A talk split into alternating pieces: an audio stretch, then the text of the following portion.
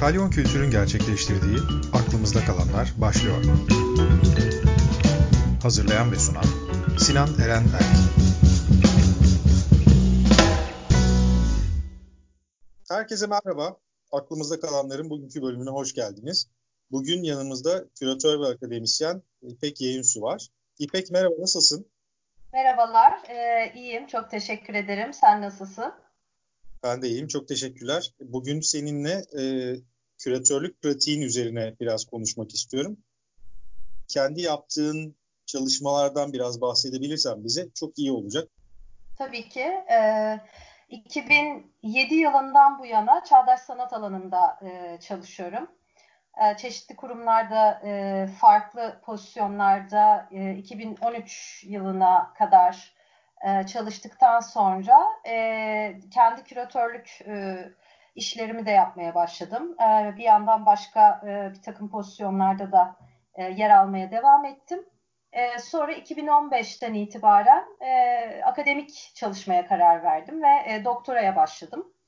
E, kısa bir süre içinde e, tezimi tamamlamış olmayı umuyorum.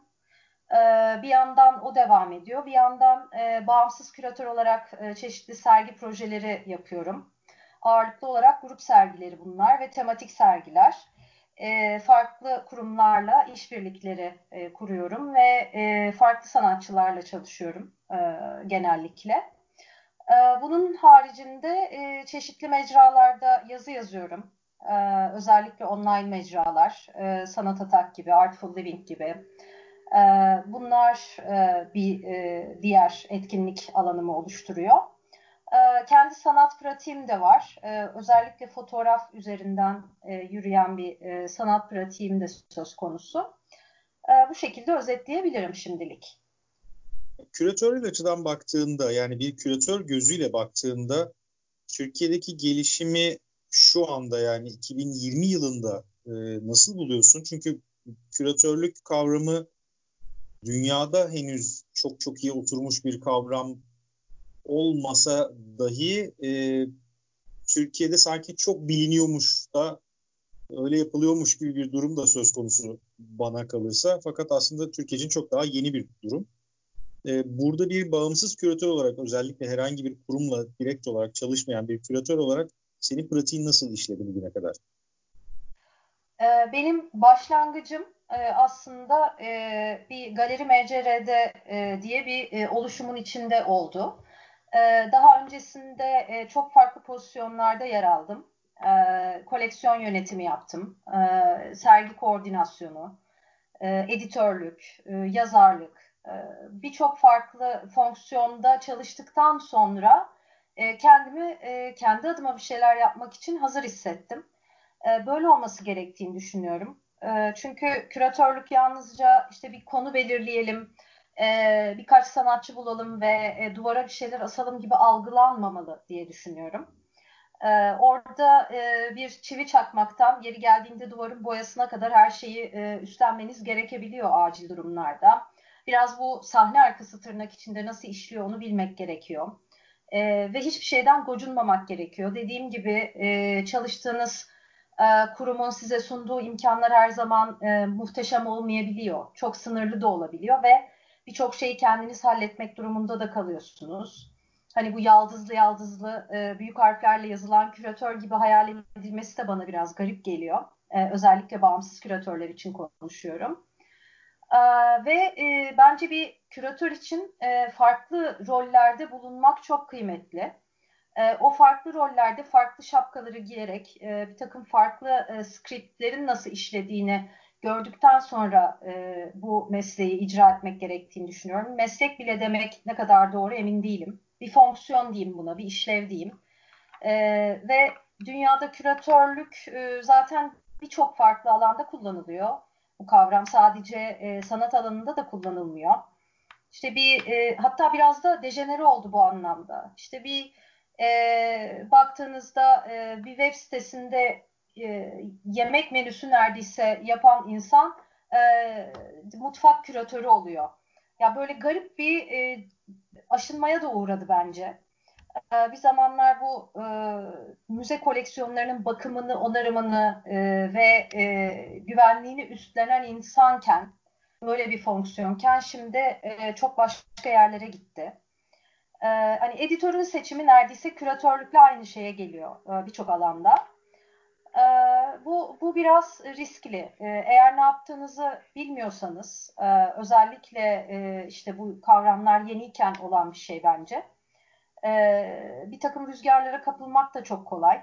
Eğer o alanın içinde yeniyseniz buna çok dikkat etmek gerektiğini düşünüyorum. Türkiye'ye baktığımızda e, temelde iki tane rol var bence küratörler için biçilmiş. Bir tanesi bir kurumun hem yönetimini üstlenen hem de baş küratörlüğünü üstlenen bir e, profil söz konusu.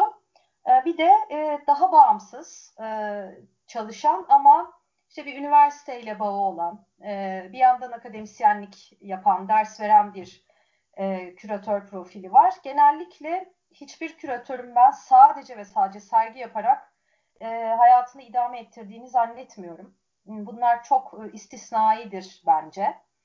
E, herkes e, farklı birkaç e, şapkayı aynı anda taşıyor.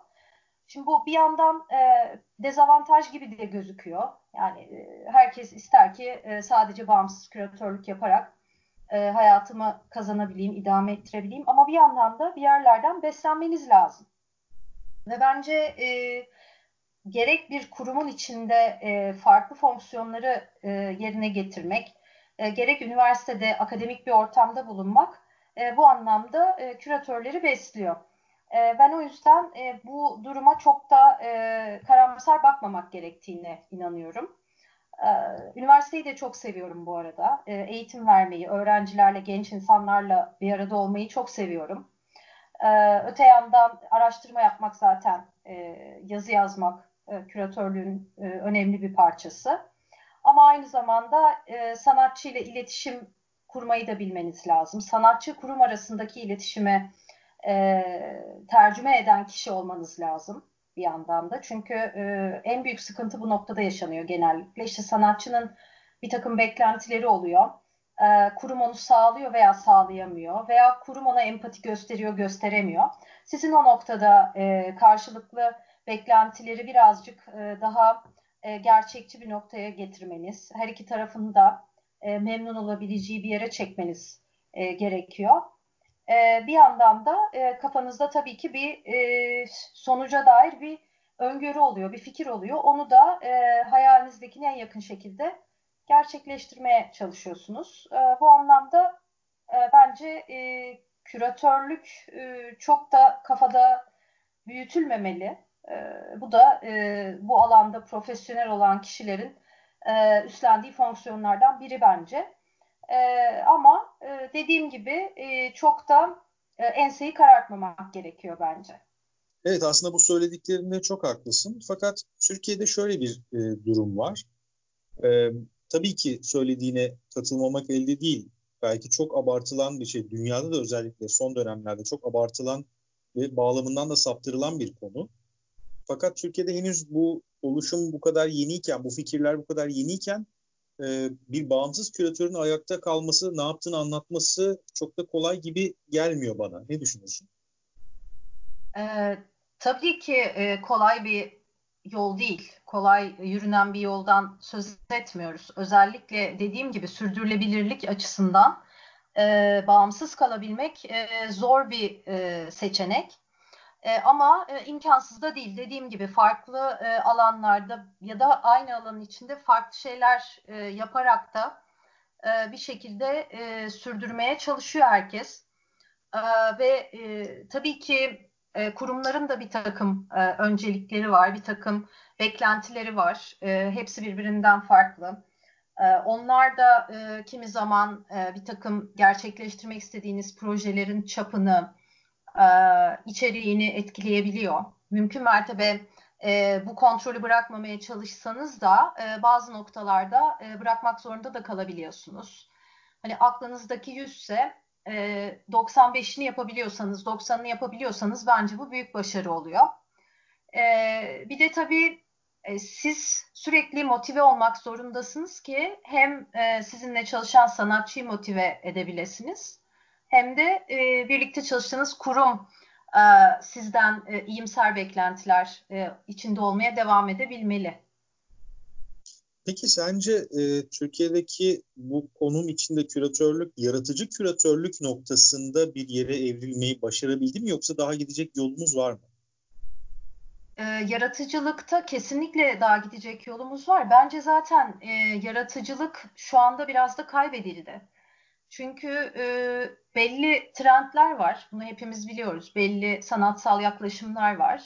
E, ve piyasa risk almayı sevmiyor. Sürekli e, benzer yaklaşımlar üzerinden e, bir şeyler yapmaya çalışıyor herkes. E, aynı tip şeyler e, görmeye başlıyoruz. Aynı tip metinler, aynı tip e, eserler. E, birbirini çok anımsatan, e, birbirine çok benzeyen. E, çünkü e, böyle bir beklenti varmış gibi bir e, duygu yaratılıyor. Aslında bence tam tersi. E, biraz e, izleyiciyi ters köşe de yapabilmek lazım. Biraz yine şunu göreceğim hissinden uzaklaştırmak lazım. Bir şeylere farklı bakabilmek lazım. E, evet, akademik anlamda iyi okunan, iyi yazılan bir takım sergiler tabii ki yapılıyor, çokça yapılıyor. Ama yaratıcılık söz konusu olduğunda bence daha yürüyecek yolumuz var. Geçenlerde bir arkadaşımla müzik hakkında e, konuşurken şöyle bir yere geldik sonunda.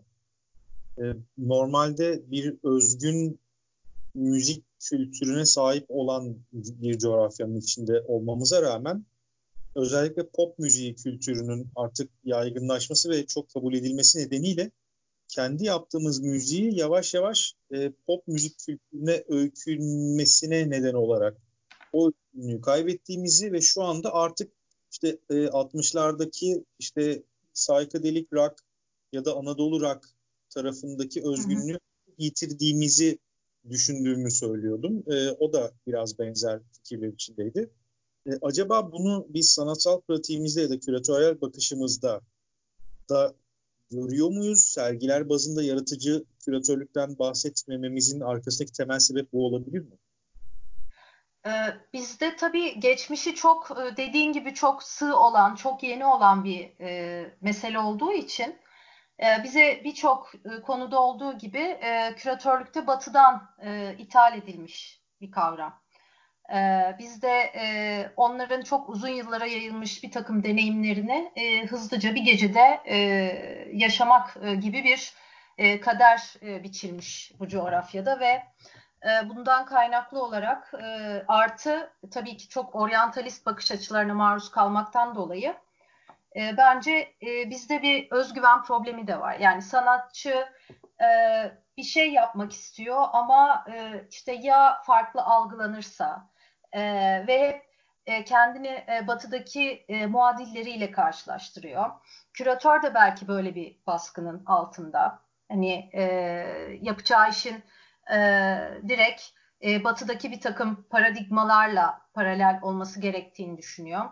E şimdi doğuya dönersek doğuda da ciddi bir sorun var. E, orada da yine oryantalist bakış açısıyla yaratılmış bir e, sanat an, anlayışı var bence. E, Batı'nın e, çok fazla işte egzotikleştirdiği, etnikleştirdiği, e, sürekli bir e, işte kadın meselesi, İslam meselesi, e, savaş, şiddet meselesi, kaligrafi. Ya artık ben şahsen e, farklı bir şey görmek istiyorum. Ya evet bunlar o coğrafyaların bir yandan da gerçekleri ama bu kadar da stereotip e, kullanmak bence insanların hayal gücüne de hakaret oluyor bir noktadan sonra ama insanlar da bundan e, sıyrılmakta çok zorlanıyorlar haklı olarak. Çünkü böyle de bir şey bekleniyor onlardan. Bu rolün içini doldurmaları bekleniyor. Bence Türkiye'de de e, benzer bir takım e, nasıl diyeyim içsel gerilimler var. İşte sanatçı bir takım beklentileri karşılamaya çalışıyor. E, bir şeylere benzemek zorunda hissediyor kendini belki. Birilerine benzemek zorunda hissediyor. E, bunlar bence hiç kolay şeyler değil. Dediğin gibi e, müzikte olan durum e, biz e, yerelle birazcık e, kompleksli bir ilişki yaşıyoruz gibi geliyor bana. Hani yereli hor görmek her zaman e, bizim yaptığımız bir şey. e, çok da yanlış bir şey. Yani çok e, zengin topraklarda yaşıyoruz. Kültürel açıdan müthiş zenginlikler barındıran e, bir coğrafyada yaşıyoruz. Bunları oryantalist olmadan e, çok da yaratıcı şekilde e, kullanabiliriz. Yaptığımız işlere katabiliriz bence. Bizde hep uçlarda oluyor her şey. Ya bir şey ya e, tamamen görmezden geliniyor e, ya da e, baş tacı ediliyor. Biraz arada da renkler olduğunu hatırlamak lazım sanki. Peki e, konuyu biraz dağıtacağım ama hı hı. aslında bir yere gelmek istiyorum buradan. Yani bu bence yeteri kadar e, üzerinde eşilebilecek bir alan yaratmış durumda. Belki ileride bunun tartışmalarını farklı alanlarda görmeye devam edeceğiz.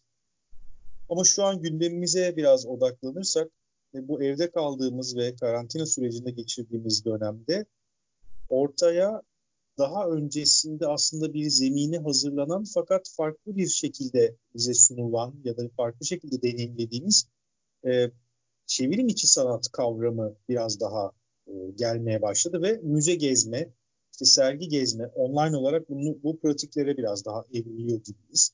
İşte müzeler kendi e, arşivlerini açıyorlar ya da tiyatro grupları kendi e, oyun kayıtlarını paylaşmaya başlıyor. Keza işte filarmoni orkestraları bunu yapıyor ya da buna benzer farklı alanlar var.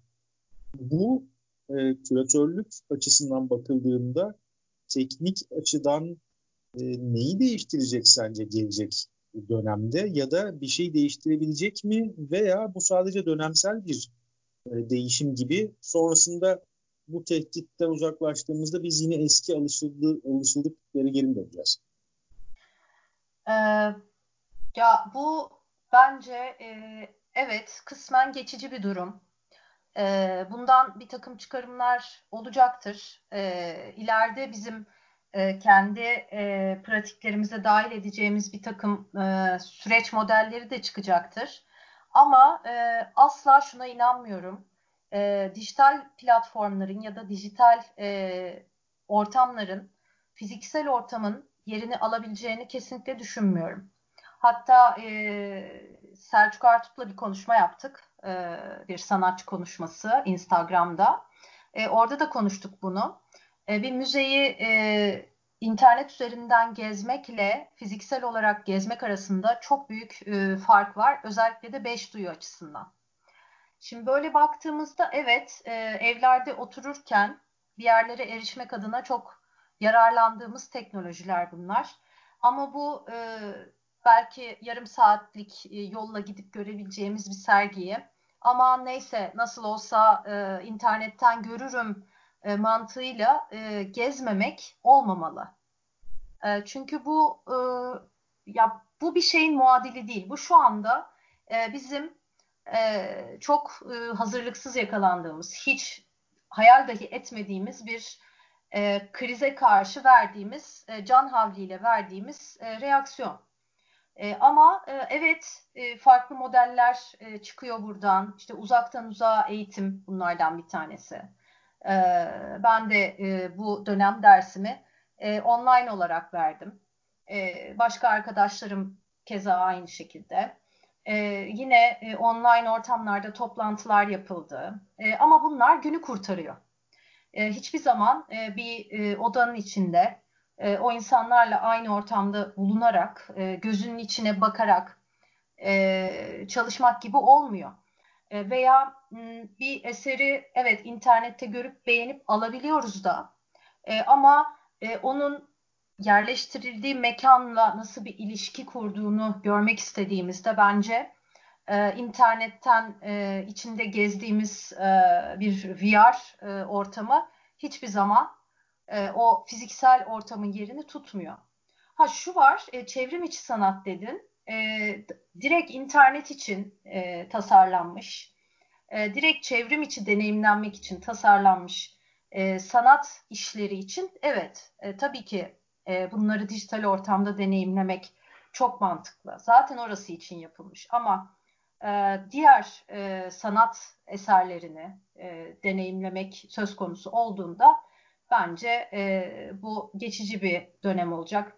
E, o müzeye gitmek, e, evinden çıkmak, e, bir şeye binmek, e, oraya gidene kadar kafanda bir şeyler hayal etmek, o kapıdan geçmek, e, oranın kitapçısında bir tur atmak, işte sergiyi dolaşmak, o sergide birileriyle karşılaşmak, tanıdıklarla sohbet etmek, e, gidip kafesinde bir kahve içmek bunlar dijital ortamda e, yeri doldurulamayacak ve çok kıymetli e, deneyimler diye düşünüyorum.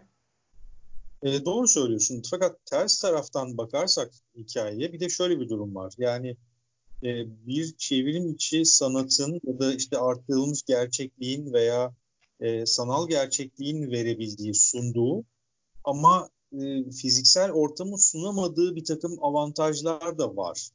Biz şu an bunları çok uzun süredir deneyimlemediğimiz için belki bu noktadayız ama e, örneğin hiç bilmediğimiz yeni bağlantılar diyelim ki e, sanal gerçeklik gözlüğüyle bir yapıta bakarken orada hiçbir zaman duyamayacağınız bir müziği duyabiliyorsunuz ya da bir görüntü e, efektini alabiliyorsunuz gibi durumlar söz konusu.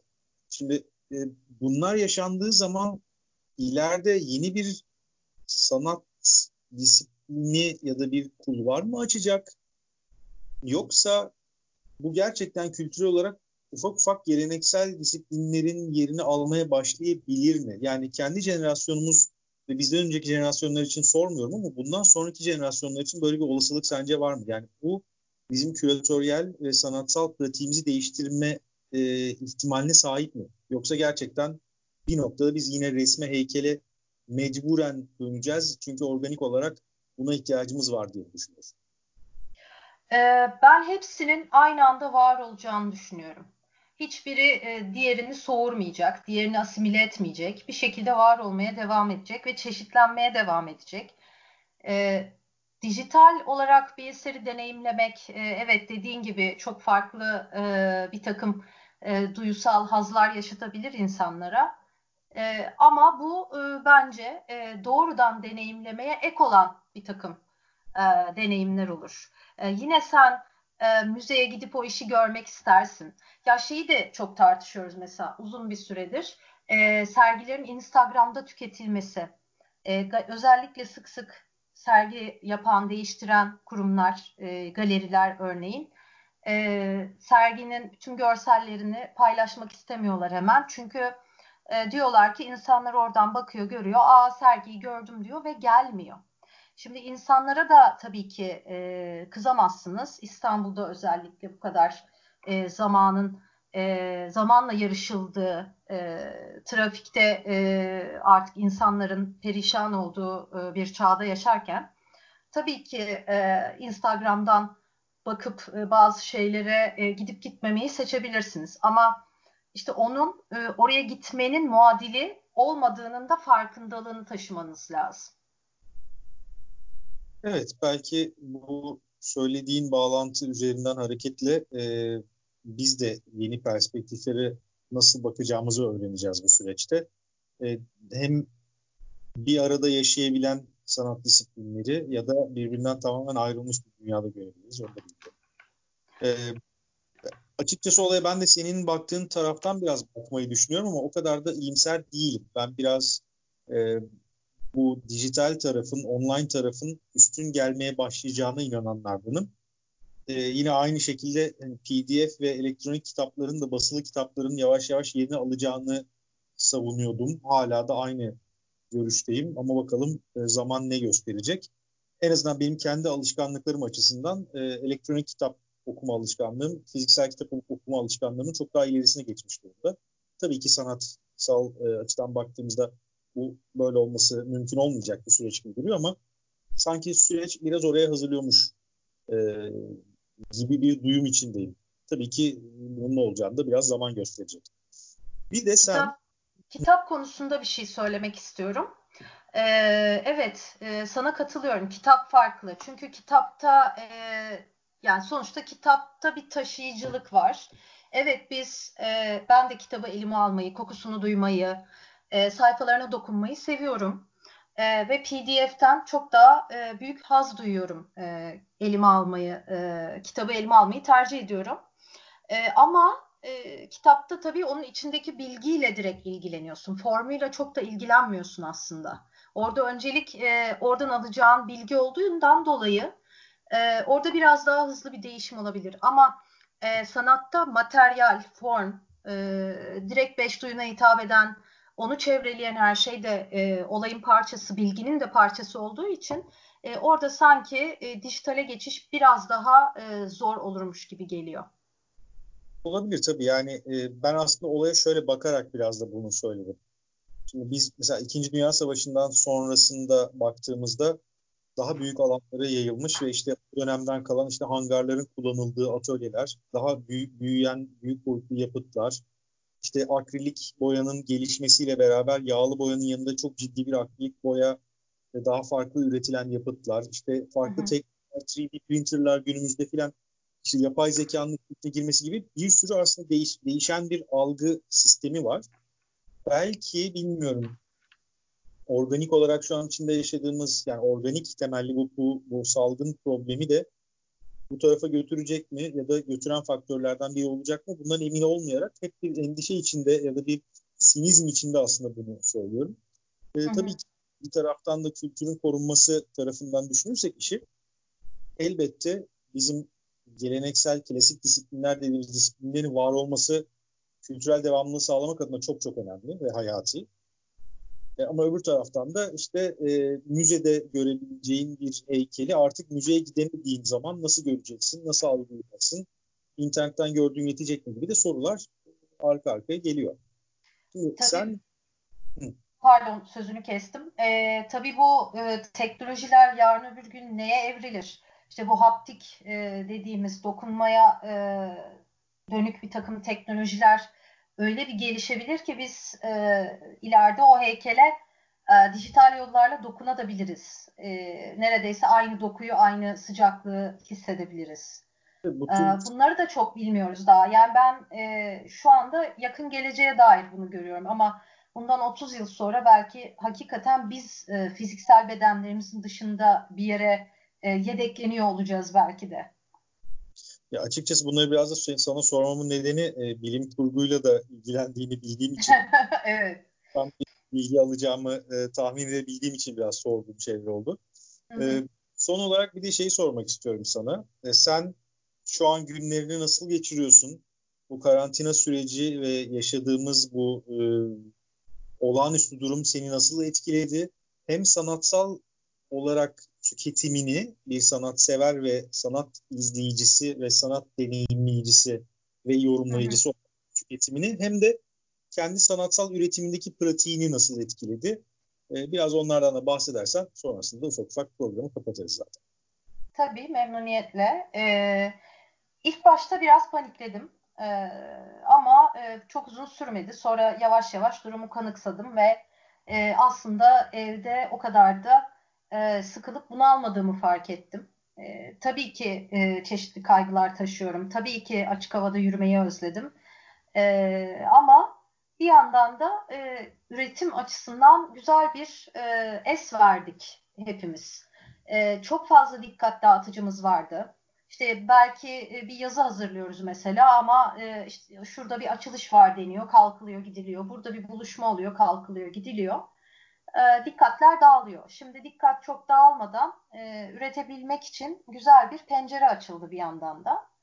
E, bunu kesinlikle iyi ki salgın oldu gibi algılamayın ama e, benim açımdan e, tezim üzerinde çalışmak için güzel bir fırsat oldu. E, kitap okumak için. E, bir yandan e, sanat tüketimi dedin. E, özellikle Instagram'daki canlı yayınları takip etmeye çalışıyorum e, ben de e, bir dizi canlı yayın yapıyorum şu anda sanatçılarla. E, her biriyle e, bir, bir buçuk saatlik sohbetler yapıyoruz. E, bunun haricinde hmm, dediğim gibi e, başkalarının canlı yayınlarına katılmaya e, gayret ediyorum. Özellikle yurt dışındakilerin. Güney Amerika, e, Avrupa, buralardaki galeriler, kültür kurumları neler konuşuyorlar, neler yapıyorlar. Ee, bunlara bakmaya gayret ediyorum bir yandan. Farklı coğrafyalara da bakmaya çalışıyorum. Ee, çeşitli yazılar yayınlanıyor. Bu karantina ile ilgili e, sanatçıların ya da küratörlerin yazdığı şeyler var. Onlara bakmaya çalışıyorum. Ee, kendim sulu boya yaptım. Epeyce bir sulu boya yaptım. e, bu süreçte. Müziğimi açıyorum, e, boyalarımı koyuyorum önüme ve hiç düşünmeden sulu boya yapıyorum. Bu da çok rahatlattı beni, çok iyi geldi. E, güzel de çıktılar e, olduğunu söyledi görenler. E, bunun dışında online ders hazırlamak, e, öğrencilerle ilgilenmek, bu da bana çok iyi geldi. E, bir yandan dışarısıyla olan e, ilişkiyi sürdürmek ve e, hakikaten çok keyifli arkadaş toplantıları yapıyoruz Zoom'da. Bazıları temalı oluyor. İşte içeceğini al gel, yiyeceğini al gel gibi. E, müzikler dinleniyor, oyunlar oynanıyor. Ya bir yandan da e, sosyalliğimi yitirmemeye çalışıyorum. E, spor yapmaya çalışıyorum aynı şekilde. E, evde oturduğumuz için hepimiz e, kaslarımız yavaş yavaş e, kaybetmeye başladı gücünü. E, bunun olmaması için yine hem kardiyo hem e, ağırlık çalışıyorum. E, benim aşağı yukarı bu şekilde geçiyor. Çok teşekkürler İpek e, katıldığın için. Aklımızda kalanların bir programının daha sonuna gelmiş olduk. Yeniden görüşmek üzere. Hoşçakalın.